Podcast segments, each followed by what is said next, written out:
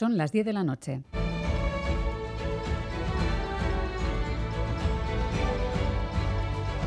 Radio Euskadi y Radio Vitoria. Servicios informativos. Repasamos los titulares de la jornada de este martes 20 de junio con Xavi Segovia, Gabón. Gabón, Miriam. Zumaya estudia pedir la declaración de zona catastrófica por la granizada de esta mañana. Sobre las 9 de la mañana, la localidad de Guipuzcoana registraba una fuerte tromba en forma de granizo que ha provocado importantes daños materiales. Granizo del tamaño de una pelota de golf que destrozaba numerosos tejados, vehículos y todo lo que ha encontrado a su paso en apenas cinco minutos. Varios vecinos han resultado también heridos en la cabeza, cuello y extremidades, lo que ha requerido que sean atendidos en el centro de salud. El consistorio de Zumaya trabaja ya para solicitar la declaración de zona catastrófica. Iñaki Ostolaza es el alcalde de Zumaya. Seguro kinda itzein behar ba, kotxe bakoitzak bere seguro ber nola daukan, eta bueno, gure egea aztertzen, bai zona katastrofika, bueno, izendatzeko ze pauso eman behar dian hori aztertzen egea, Eibar, El Goibar, Amorebieta, Munguía y Alzola han registrado también intensas lluvias entre 12 y 15 litros por metro cuadrado. Hasta esta medianoche recordamos que seguimos en aviso amarillo.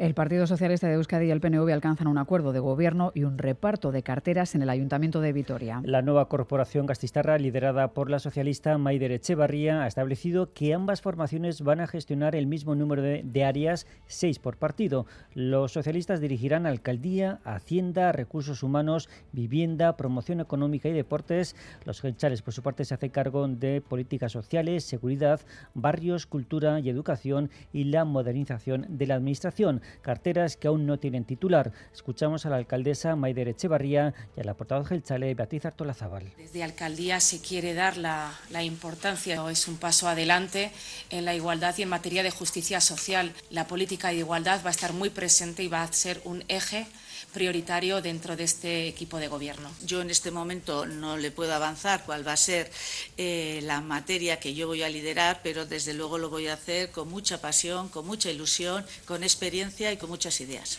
Las Juntas Generales de Guipúzcoa serán las primeras en constituirse. Será este viernes a las 10 de la mañana con la conformación de la mesa de edad encargada de llamar a los 51 procuradores por orden de presentación de sus credenciales. En esta sesión se presentarán las candidaturas, paso que podrían dar además del PNV también EH Bildu. Más tarde se constituirá la mesa de las Juntas Generales.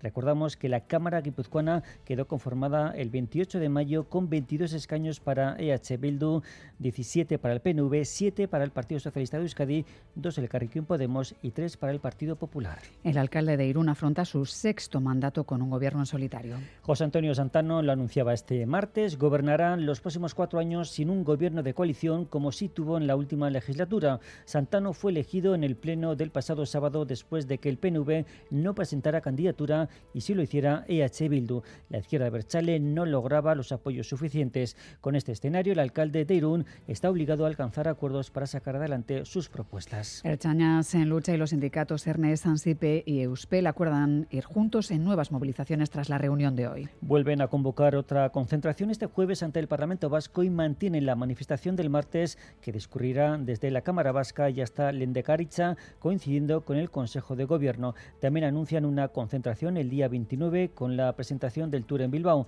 Tras la reunión de hoy, aseguran que salen unidos y reforzados en sus demandas. Joseba Es el portavoz de Euspel. Al colectivo le queremos decir que por fin estamos juntos, que hemos aprendido de los errores y ellos nos van a hacer avanzar y que bueno, hemos escuchado al colectivo, tenemos en cuenta, como no puede ser de otra manera, su opinión y nada, que estamos muy ilusionados, que ahora juntos y vamos a acudir a todos los actos juntos y vamos a hacer exclusivamente todos juntos, el colectivo por encima de todo. Además, han acordado que todos los extrañas puedan votar en el nuevo acuerdo que les proponga el Departamento de Seguridad.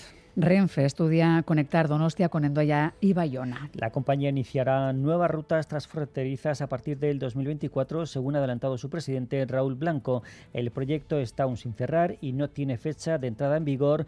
Blanco ha añadido que el próximo objetivo de la ferroviaria será la conexión con París, coincidiendo con los Juegos Olímpicos de la capital gala en el año 2024. La consejera de Justicia, Nerea Melgosa, pide corredores seguros para los refugiados. En este Día del Refugiado ha denunciado la situación que se vive en el Mediterráneo, pero también en fronteras como la de Irún, donde son varios los inmigrantes que han perdido la vida tratando de cruzar el Vidasoa. Pediría una política clara europea en el tema de migraciones y de asilo y de refugio. Y por otra parte, lo que pediría es corredores seguros. Yo creo que tenemos tenido también hace poco aquí eh, diferentes tragedias también en, la frontera de Irún con el Vidasoa. El director de Inmigración, Xavier Legarreta, ha asegurado que la demanda de asilo en Euskadi va en aumento, acercándose a cifras anteriores a la pandemia. Solo el año pasado fueron 4.086 las peticiones que llegaron a la comunidad autónoma vasca. Así terminamos. Más noticias en una hora y en todo momento en itv.eus y en la aplicación ITV Albisteac. Gero